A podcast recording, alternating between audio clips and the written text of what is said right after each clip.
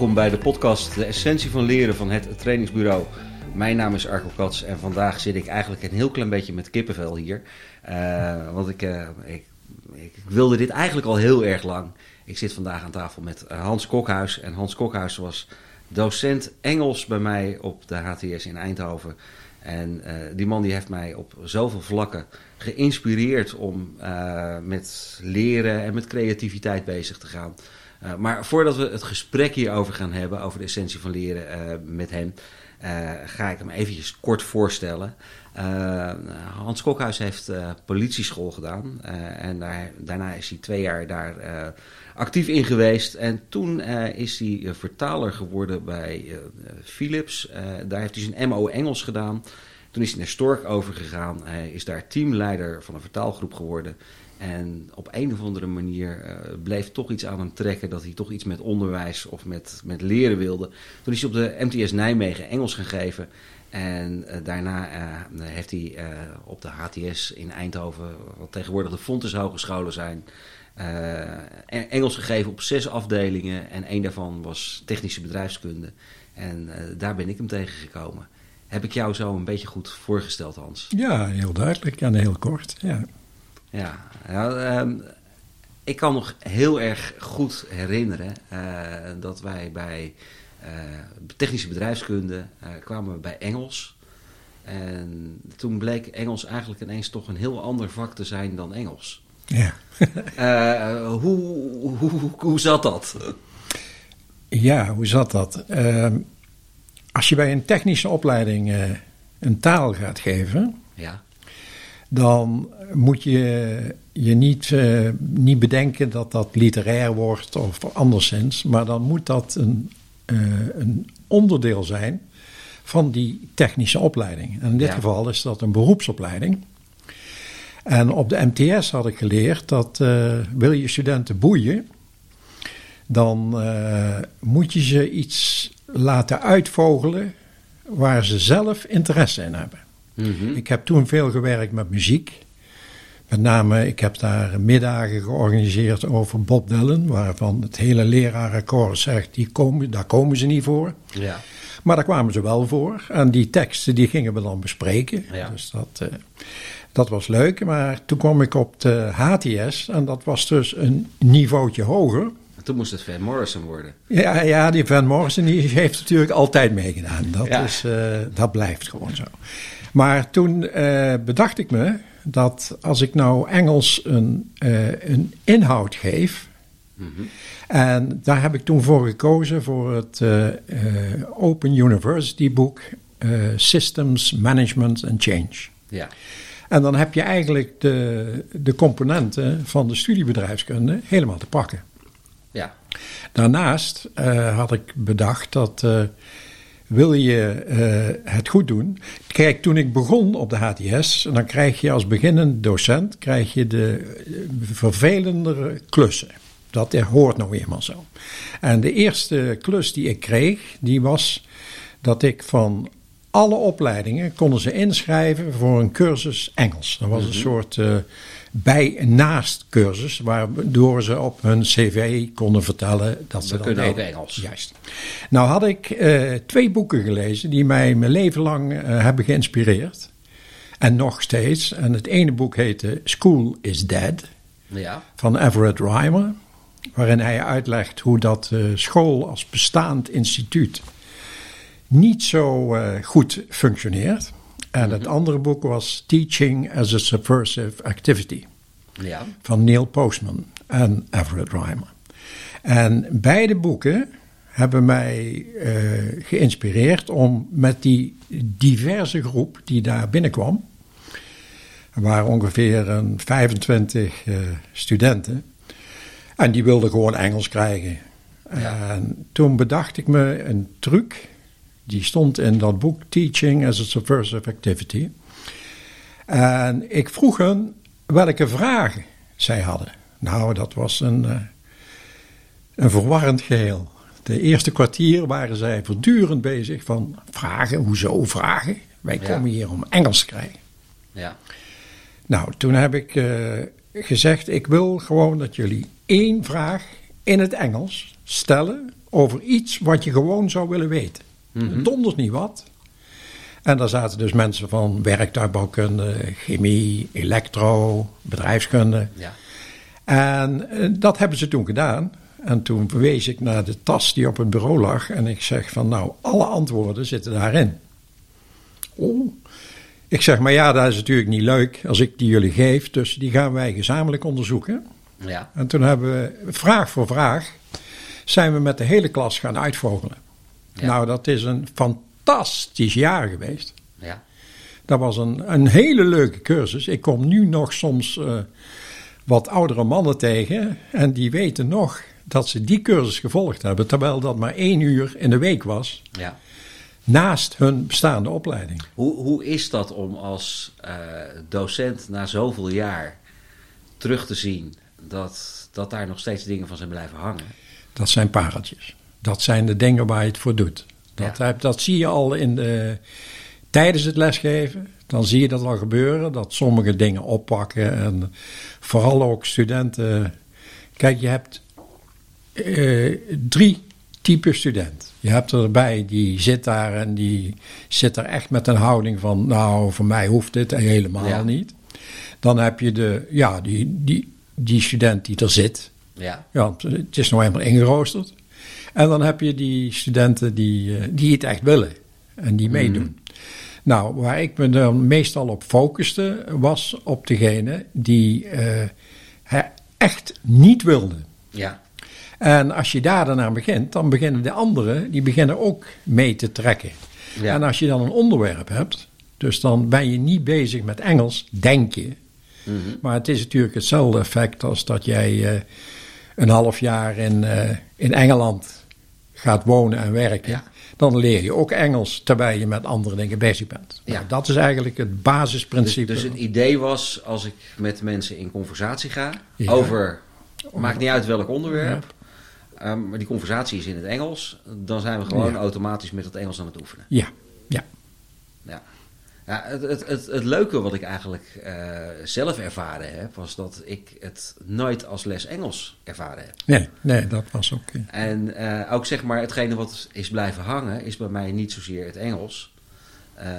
Dat waarschijnlijk ook wel, hè, maar dat heb ik dan niet Ja, doorgehad. Eh, maar hetgene wat wel heel erg is blijven hangen, is het. het je hebt op een gegeven moment ook dat boek geschreven, het XIZ van ABC, het ABC van XIZ, waar het ging om creatief denken. ja. Eh, en creatief denken, eh, dat was daarvoor, bij mij op de middelbare school, was dat altijd iets van, nou, creatief denken, dat is iets van knutselen, dat is iets van eh, Kurk. kurk, stoffig, daar Ja. moet je een, een stoffige handwerkjuf zijn. En, en dat is creativiteit. Maar ja, tegenwoordig denk ik van dat is meer ambacht. Eh, en creativiteit is dingen bij elkaar brengen en op een andere manier tegen dezelfde realiteit aankijken. Eh, op creativiteit ben ik gestoten door Edward de Bono. Ja. Dat is natuurlijk de goeroe. Die boekjes kon je gewoon één op één gebruiken in de klas. Ja, En eh, toen ben ik aan de studie de psychologie van creativiteit begonnen. ja, Daar heb ik zelf helemaal vorm gegeven. En toen ben ik gestoten op Jung. Eh, Ja. Carl Jung. En dat is de enige die in die tijd met name eh, creativiteit eh, echt expliciet benoemde. ja. En voor hem was het een instinct. Mhm. Dus wij hebben, en meestal worden er vier instincten aangegeven. En hij heeft het vijfde daaraan toegevoegd. ja. En voor mij is het in die studie ook zo gebleven dat creativiteit is een soort. eh, kijk, de andere instincten, en seksualiteit, dat is activiteit, dat is reflectie, eh, dat is eh, voedsel tot je Ja. nemen eten. Dan is creativiteit eigenlijk een soort dressing, een soort eh, een toevoeging aan alle de andere dingen die je doet. Dus het is eigenlijk de manier om eh, leven tot leven te maken. Dus echt iets eh, in te brengen wat smaak heeft. Dus in plaats van wat ze wel eens noemen dead time, Ja. a lifetime. Ja. Kijk, want je, je gaat maar één keer dood, maar je leeft elke dag. Ja. En meestal zeggen mensen dat net andersom. Die zeggen je gaat maar één keer dood. Maar dan, is je, eh, dan ben je eigenlijk te veel bezig met de deadline, denk ik dan altijd.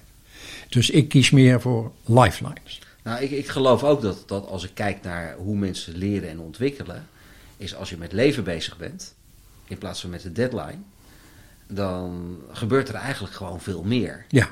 Uh, op het moment dat je kwaliteit wil leveren, uh, uh, natuurlijk stel je op een gegeven moment deadlines en doelen. En, maar in, in, mijn ogen is dat altijd bedoeld om richting te geven en om een bepaald tempo erin te houden. maar als je eenmaal bezig bent en je zit een beetje in flow, ja, dan ben je helemaal niet bezig met die deadline. Dan ben je Nee. gewoon leuke dingen aan het doen.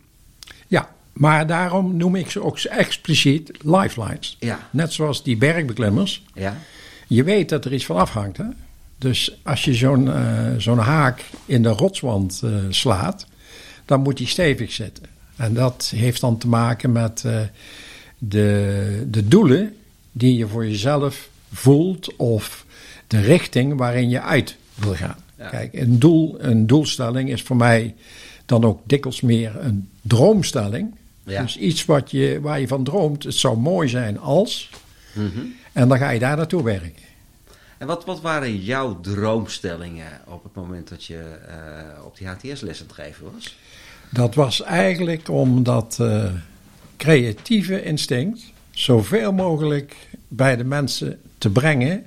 Waardoor ik niet degene was die ze eh, probeerde vol te stoppen. Maar dat ze zelf met vragen gingen komen. En daar heb ik toen een eh, eh, professor De Bruyne van de COCD in België. Ja. Die was ook een oud leraar Engels. En die had daar een leuke manier voor bedacht. En die heb ik gevolgd. Dat was namelijk zo. Voor de inspectie maakte hij een leerprogramma. Ja.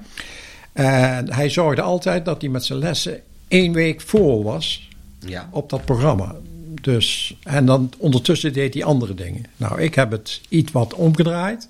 En ik heb alle onderwerpen die ik kon bedenken, die heb ik in de leerstof, omschrijvingen. Echt zo'n stoffig woord vind ik dat. Ja. Die heb ik eh, opgeschreven. Die heb ik in mindmaps verwerkt. Ja. En dan kon ik eh, met de lessen altijd langs die onderwerpen gaan. Dus, eh, en dan als studenten, en vooral de avondschool, die werkte daar heel prettig mee. Die kwamen zelf met onderwerpen en vragen die ze hadden. Want ze zeggen van ja, wij horen wel dat eh, de aandeelhouders zo belangrijk zijn. Maar nou is er een leraar en die heeft het over stakeholders. Nou, dan doken wij in het onderwerp stakeholders. Ja. En dan gingen we dat onderzoeken, omdat zij die vraag hadden. En dat gebeurde dan in het Engels. En dan vergaten zij dat het in het Engels was. Nou, mooi. Ja, dat was inderdaad mooi. ja. Hey, en je hebt toen ook op eh, een, een, een cluster gevormd met eh, Tom Brekelmans. Ja, ja, Eh, van, die gaf sociologie. ja. En ja, eigenlijk was die, die koppeling altijd tussen de, creativiteit, psychologie, sociologie, daar, dat, dat was een belangrijk onderdeel van technische bedrijfskunde. Eh, ik heb het zelf eigenlijk altijd gezien als een, een, een talenstudie. eh, waar je de taal leert van Ja. een econoom, Ja, ja, je leert de taal van een eh techneut en je leert de taal van eh, eh, HR. En eh, zeg maar, al die talen die, die leer je eh, op, op een zekere hoogte dat je daar het, het, het geheel in kan overzien. En eh, nou, de, de, de menselijke factor in organisaties en in teams, eh, dat is natuurlijk de meest complexe van het geheel. Want Ja. eh, ja, laten we kijken naar de, techniek. Dan is eh, iets doet het wel of iets doet het niet. Ja. Maar bij een mens zijn er zoveel draadjes waar je aan kan trekken, waar je iets mee kan doen wat, wat een effect heeft. Ehm, nou ben ik bijna kwijt waar ik het over, over wilde hebben. Over het koppel. Je- bent dat, dat als koppel gaan doen. Wat dreef jullie en hoe heb je je kunnen, over, eh, kunnen overleven in die eh, toch iets wat technocratische structuur waarin je zat? Ja. Nou, dat was, eh, ja, Ton en ik, we zijn eigenlijk vrienden voor het leven geworden. Wij beiden zagen mogelijkheden waarbij ik meestal het, het materiaal schreef. Ja, hij was het klankbord. Ja. En als ik soms dacht van ja, maar dit, dit gaat te ver, dit gaat never nooit lukken. Dan zei Ton, daar gaan we wel doen en dan doen we dat op die manier. Ja. En dan vervolgens uh, hebben wij, en daar was hij dus wel ontzettend goed in, sociologen zijn daar goed in, uh, door de, een soort PR eromheen te bouwen. Ja. Uh, kijk, wat je nou dikwijls ziet, is dat mensen voordat ze iets gaan ondernemen, moeten ze de uren en de budgetten en zo, die moeten allemaal vastgelegd worden. Mm -hmm. En wij deden het andersom, en ik denk dat dat ook de enige manier is waarop het werkt. Dat is dat je eerst iets laat zien wat mogelijk is. Ja. Uh, en vervolgens ga je dat presenteren. Mm -hmm. Nou, Ton heeft mij toen meegenomen, zijn we samen naar de directeur van de ATS gegaan. Ja. En toen hadden wij een programma bedacht waarin uh, de metaforen van morgen uh, gingen behandelen. De Psychic Prison is dat? Juist, dat, dat is er een van. Ja. Juist. En daar kwamen wij dus uit. ja. ja. En die, uh, die bedacht Ton, die gaan ze gewoon als een toneelstuk uitvoeren. Ja. En om daar naartoe te werken, dan doen we dat in het Engels. Ja. Zo simpel werkt dat dan dus. Uh, ik verzorg de Engelse kant daaraan. Ja. En het onderwerp had ik dus ook ingebracht. En samen, hij deed dan het, uh, ja, het, het, het, het, het werken in de groepen, in de projecten en zo, Ja. dat aansturen. Nou, toen kwamen we bij de directeur en ze, wij waren nog aan het denken hoe dat we dat nu moesten noemen. Ja. Toen heeft Ton bedacht om dat anders kijken te noemen. Ja. Nou, dat is blijven hangen. Hoewel de helft van de studenten het altijd anders denken noemde. Ja. Dat is mij altijd opgevallen. En uh, nou, die directeur die was daar natuurlijk helemaal kapot van. Die vond dat fantastisch. Want dat was natuurlijk weer iets waarmee je als bedrijfskunde... Ja, je zet jezelf ook op de kaart als, als Precies, innovatief, als als, op- juist. vernieuwend. Want dat was nadat ik het onderwerp, uh, het lesvak, associatief denken had bedacht. Ja. Dat is, daar is het mee begonnen. En dat was toen ook, ja, in de eerste instantie, ja, niemand die deed daar iets mee of zo. Maar toen ik dat twee jaar bleef doen, uh, toen werd het dus gewoon bij de uh, open dagen, werd het apart verteld. Ja. Want dat was natuurlijk iets bijzonders. Nou, En, en op die manier kregen wij dus de steun. En op een gegeven moment, dat is een oude truc is dat, hè, dat is voor verandering. Anthony Trollope, een schrijver uit de vorige eeuw, twee eeuwen geleden, die heeft dat zo beschreven. Dat als je iets wil bereiken, wat absoluut onmogelijk is op dit moment, Ja. moet je eerst zorgen dat het een beetje plausibel wordt. Een beetje zo van, ja, ja, dat zou wel kunnen. Vervolgens laat je zien dat het mogelijk is. ja. En als het dan mogelijk is, dan zal het ook op meerdere plekken gaan gebeuren. En als het dan gebeurd is, dan wordt het op een gegeven moment voor een groep mensen noodzakelijk. Mhm. En vervolgens kunnen ze niet meer bedenken dat het niet gebeurt. En dan heb je het uh, ingevoerd. Dat is eigenlijk verandering. ja. Mooi. Als je kijkt naar het homohuwelijk, dan zie je precies dat dat zo gebeurd is. Ja. Ik bedoel, als je 30 jaar geleden daarmee gekomen was, dan hadden ze. Hadden mensen gezegd dat dat, dat is absoluut never nooit. Never nooit. Ja. Ja. En, en nu inmiddels is het. eh, ja, wij vinden als een landen waar het niet mag. Zijn, die zijn, zijn gekke landen. Ja, precies. Ja. Ja. Terwijl, uh, inderdaad, weet ik ook nog heel goed dat uh, zoveel jaar geleden was het hier ook. Ja. Je kon het er eigenlijk niet over hebben. Nee, nee precies. Je was wel een beetje gek als je het erover had. Ja. ja. ja het is mooi hoe dat soort, soort dingen dan op een gegeven moment veranderen. Ja. Door een aantal mensen die daar uh, voortgang aan geven omdat ze ergens in geloven. Ja, ja. En dan laten zien dat het mogelijk is op kleine gebieden. Dus Ja. je moet niet gaan drammen of hameren op het gebeuren. Ja. Dat is hetzelfde met verandering binnen bedrijven. Ja. Focus op die product champions. Ja. Die, die, die 20 van de 100 die wel willen en Ja. die iets bijzonders bedenken. Ondersteun die en laat de successen zien. Want succes leidt tot succes. Zo werken nu helemaal bij mensen. Mm-hmm. Als je aankomt met een, uh, een, een, een, project wat absoluut niet slaagt, ja, ja dan ja, zeggen... niemand zin om daar aan mee te werken. daarom. Dus. Ja. En uh, wat jullie hebben toen voor elkaar gekregen dat binnen die, die technische bedrijfskunde, dat daar uh, die creativiteit eigenlijk op een, uh, ja. een belangrijk onderdeel van ja. het curriculum werd. maar dat hebben we nooit zo genoemd, hè? Nee. Nee. Nee, dat hebben we dus nooit gedaan. Nee, want creativiteit... Was het dan niet gelukt? Ik denk dat het dan echt tegenwerking gekregen zou hebben. Ja. Dus wij hebben uh, het nooit creativiteit genoemd. We hebben het genoemd uh, kijken naar organisaties en anders kijken. En ja. dan zijn natuurlijk de acht metaforen van Morgan. Dat was een fantastisch onderwerp. En daarna zijn er nog meer boeken die ik gebruikt heb daarvoor. En, maar dan creativiteit is, zoals ik net zei, dat is een dressing. Mm -hmm. Dat is een, een saus. En de, dat is de manier waarop je onderwerpen kunt benaderen. Kijk, creativiteit is ook een essentieel onderdeel van het leven. Ja. Ja, dat maakt mooi geluid, hè? Ja, sorry. Ja, nou, nou horen ze dat, uh, in de uiteindelijke opname hoor je dat ietsje minder. Uh, als je okay. op de tafel klapt, dan ja. uh, wil het nog wel eens een klein beetje naar de microfoon ja. toe gaan. Maar het, uiteindelijk is iedereen, heeft dit instinct creativiteit. En het is bedoeld als er al iemand in het ontwerp erover nagedacht heeft, dan is creativiteit gewoon stomweg bedoeld om je leven mooier te maken. Ja.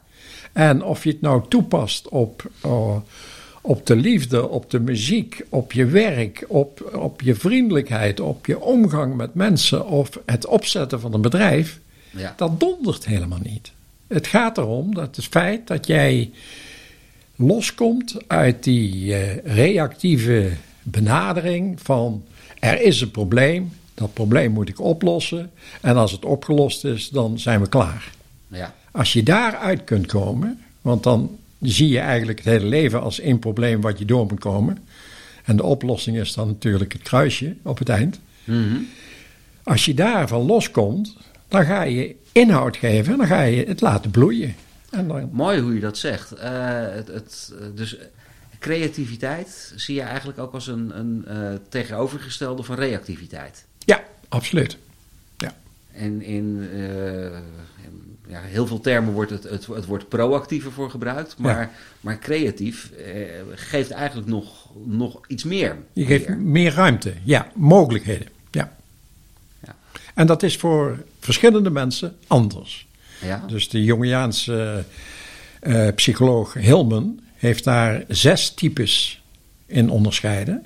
Dus Ja. je hebt het type eh, de, de wereldverbeteraar, die voortdurend nieuwe ideeën heeft, heel idealistisch eh, gaat. Je hebt degene die vooral zit op het eh, originele. Ja. Dan heb je de mensen, de, de kunstenaars, hè, die eerst destructie, om daarna tot iets nieuws te komen. Picasso was daar uh, een groot voorbeeld van. Die had ook dat idee van uh, om een omelet te maken kun je de eieren niet heel houden. Ja. Nou, dus hij heeft een prachtig voorbeeld daarvan, gebruik ik dikwijls. Dat is dat hij een uh, stuur en een zadel van een fiets heeft genomen. Hmm. En die heeft hij in elkaar gezet en dan heb je stierenkop. Ja. Dat is een prachtig beeld. Nou, zo heb je zes verschillende manieren. Legt helemaal uit. En er is er eigenlijk nog een zevende, maar die is moeilijk te beschrijven. En dat noemt hij liefde. Mhm. En liefde, zegt hij, is een soort uh, basis uh, beweging, motivatie, die je in het leven anders met dingen en met mensen om laat gaan. En mm-hmm. dat is misschien wel de onderliggende uh, waarde van al die verschillende manieren waarop creativiteit eh, toegepast kan worden. Mooi. En, en, en welke van, van deze uh, zeg maar manieren van creativiteit pas jij nou het meeste toe? Ik uh, heb daar ooit een test voor gemaakt. Hè? Een groep ja. studenten die heeft een, uh, een test gemaakt voor deze zes. Die heeft ook een tijdje op de site gestaan van van Creanet. Ja. Uh, En ik heb, ik heb eigenlijk ontdekt dat uh, heel veel mensen er niet één specifiek gebruiken. Mhm. Alleen maar als ze in het uh, probleemoplossend denken zitten. Ja. Dat zijn de mensen die. Uh, nee, ik moet het anders zeggen. Uh, ik heb dat met de deeltijdstudenten hebben daar onderzoeken naar gedaan. Ja. En dan hebben we ontdekt dat op een gegeven moment is jouw visie, hoe dat jij het toepast, is ook heel erg bepalend voor het beroep wat je kiest. We hebben dus bijvoorbeeld ontdekt dat probleemoplossend denken ideaal is als je in de service zit. Ja. Uh, ik, ik, moet er niet aan denken dat als mijn cv het niet doet, dat ik daar een, uh, een soort Picasso-achtige creatieveling in huis krijg, nee. die, die, van alles gaat bedenken. Maar mijn cv niet, uh, niet maakt. Dat je dan zeg maar een, een of andere leuke fontein in huis Juist, juist, juist. Een research lab ja. heb je gewoon iemand anders nodig. Dus je krijgt dikwijls dat dat zichzelf uitfiltert. Ja. Het is alleen bij managers, daar levert er dikwijls problemen op. Omdat je managers niet altijd bewust zijn van of ze nou in de probleemoplossende sfeer moeten werken. Een soort onderhoudsmanagement. Ja. Of dat ze innovatief moeten zijn. En Barker met zijn... Uh, uh, paradigma shifts. In dat, in dat boek van hem. Op internet is er ook nog veel van te vinden. Die geeft dat ook aan. Dat je dus, je hebt uh, Thomas Kuhn, die wetenschapsfilosoof, die heeft dat ook benoemd. Je hebt de paradigm shifters. Dat zijn de, de mensen die leven tussen paradigma's. Ja. En je hebt de mensen die het uitwerken. Dus als je in puzzeltermen praat, dan ga je een puzzel kopen in de winkel. Dan weet jij zeker dat die opgelost kan worden. Ja. Kan moeilijk zijn, maar hij kan opgelost worden. Uh, dat zijn de mensen die binnen een paradigma werken. Ja. Dus die gaan niet zo over die grenzen heen. Maar zijn daarin ook heel creatief. Of kunnen daarin heel creatief zijn. Ja. Maar die en blijven die bezig met het oplossen van die puzzel. Juist. En de andere, dat zijn de types die ik eigenlijk uh, metaforisch benoem met de tangrampuzzel. Ja. Kijk, een tangrampuzzel weet je dat die in het doosje past. Maar vervolgens kun je daar een aantal figuren mee maken. Nou, dat is echt onvoorstelbaar veel. Maar die passen niet meer in het doosje als je die nee, figuren die maakt. figuurtjes niet meer. Maar om het te naderhand, ik heb ook gezien bij kleinkinderen die ik het allemaal gegeven heb, Ja. die weten weer nieuwe te bedenken. Ja. Uh, aan sommige ouderen die ik het ook gegeven heb, die maakten het eigenlijk niet open omdat ze bang waren dat ze het weer niet in het doosje zouden krijgen. Is dat misschien ook iets wat een rem is voor veel mensen Ja. om creativiteit toe te laten? De angst dat het niet meer in het normale past. Juist, dat denk ik ook. hè. En- ik heb er zelfs gehad, die hebben er een foto van gemaakt Ja, voordat ze het gingen doen. Om zeker te weten dat ze het weer in een doosje konden leggen. mooi. En, en eh, eh, ik, zou het, ik vind het dan zelf bij mezelf ook vaak heel knap om dan toch stil te staan en te zeggen van ja, maar die mensen die zijn niet gek. Nee, zeker niet. Die zijn ook creatief. Die zijn om, ook- om daar eerst een foto van te maken. Ja. Maar dan heb je, je past je creativiteit op een andere manier toe. Ja, wat mooi. Daar heb jij ons ook meegenomen toen de tijd in eh, mindmapping, in Ja. eh, de Bono, in, in, in heel veel verschillende, eh, zeg maar eigenlijk technieken die je ook kan gebruiken Ja. om creativiteit te laten stromen.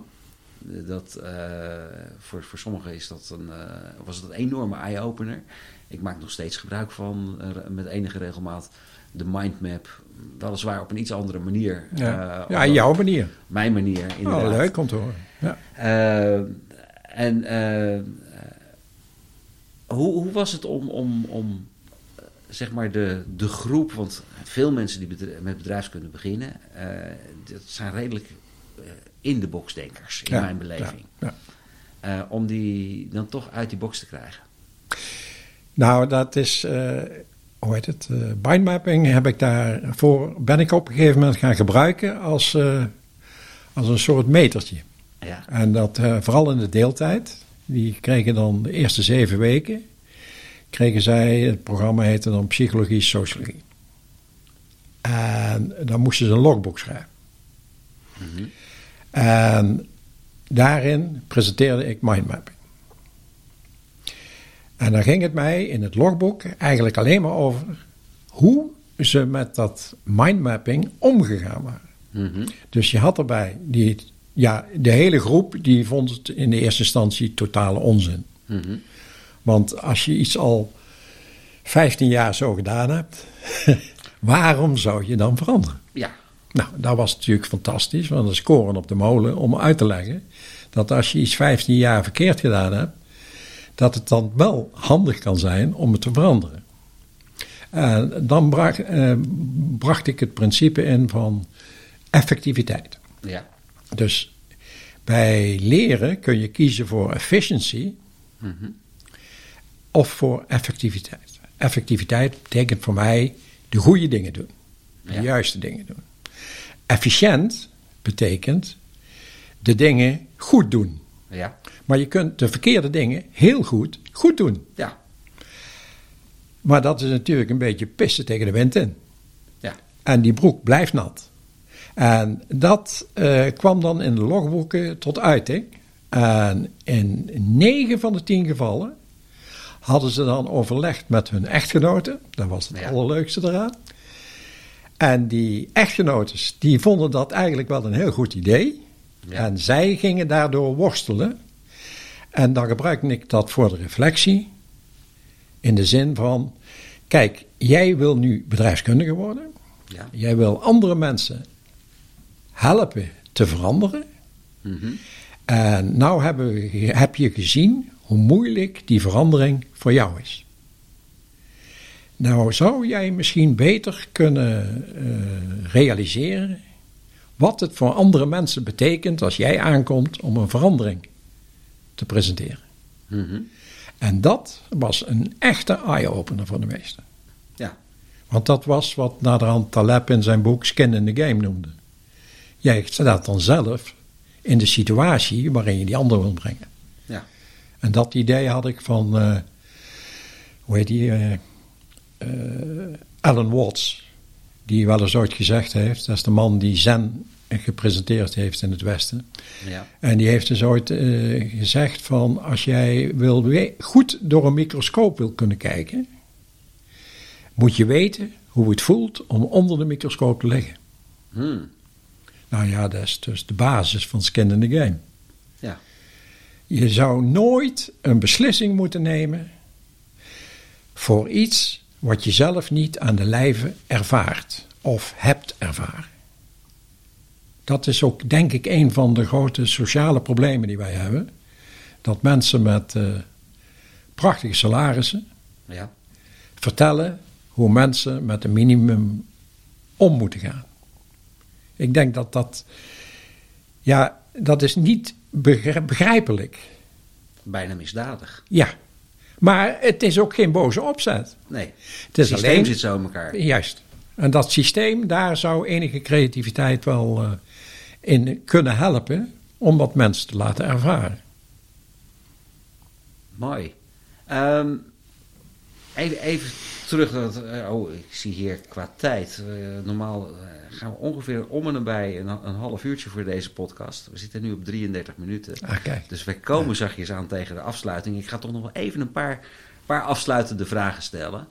Ehm, want in- inmiddels ben je eh, gestopt met het lesgeven op de hogeschool. Eh, Nog de afgelopen tijd, eh, vooral voor corona, nog wat, wat workshops en, en presentaties en, en dat soort zaken gegeven.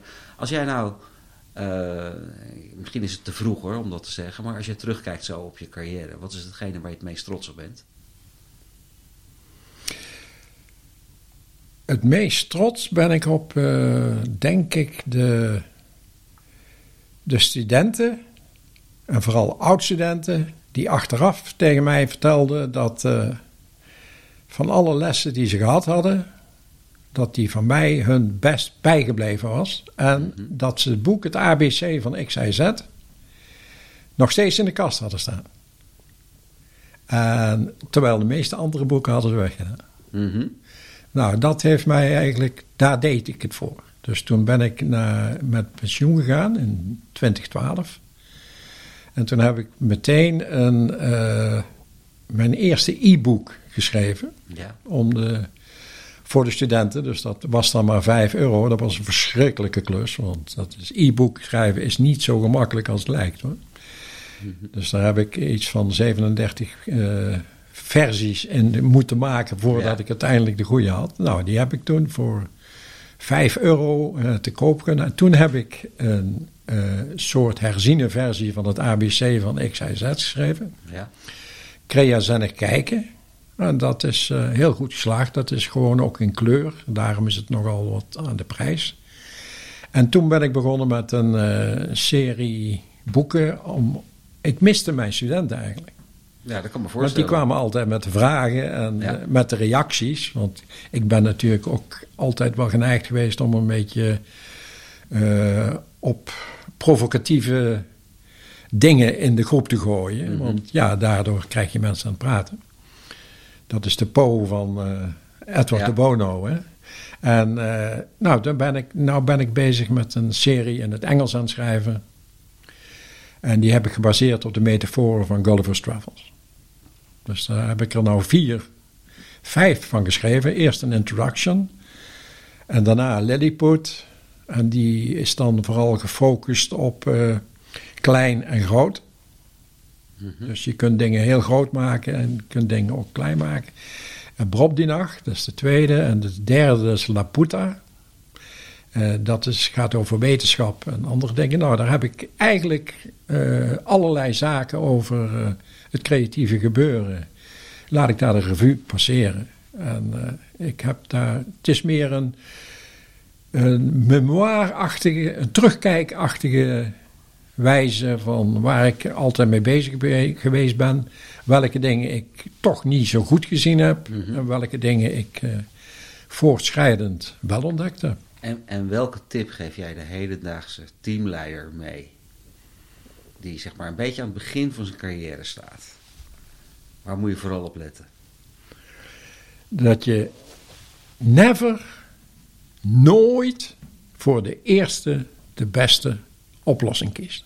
Dat vind ik een hele mooie om daarmee af te sluiten. Oké, okay, dank, dank je wel voor dit mooie gesprek, Hans. Uh, dank je dit wel was de podcast De Essentie van Leren van het trainingsbureau. En als ik het goed heb, krijgen we nu de eindtune. Uh, en nou, we hebben een gesprek gehad met Hans Kokhuis. Iemand die mij heel erg geïnspireerd heeft om creatief anders te kijken. tegenwoordig staat dat ook op mijn LinkedIn dat ik mensen help om anders te kijken. Uh, en dat heb ik mede van, uh, van Hans geleerd. Uh, nou gaf hij ook aan dat er nog een aantal boeken zijn. Ik zal wel zorgen dat er de linkjes op een of andere manier zichtbaar worden op de LinkedIn pagina waar dit op gepost wordt. En graag tot de volgende podcast. Oké, dankjewel. Dat was me aangenaam.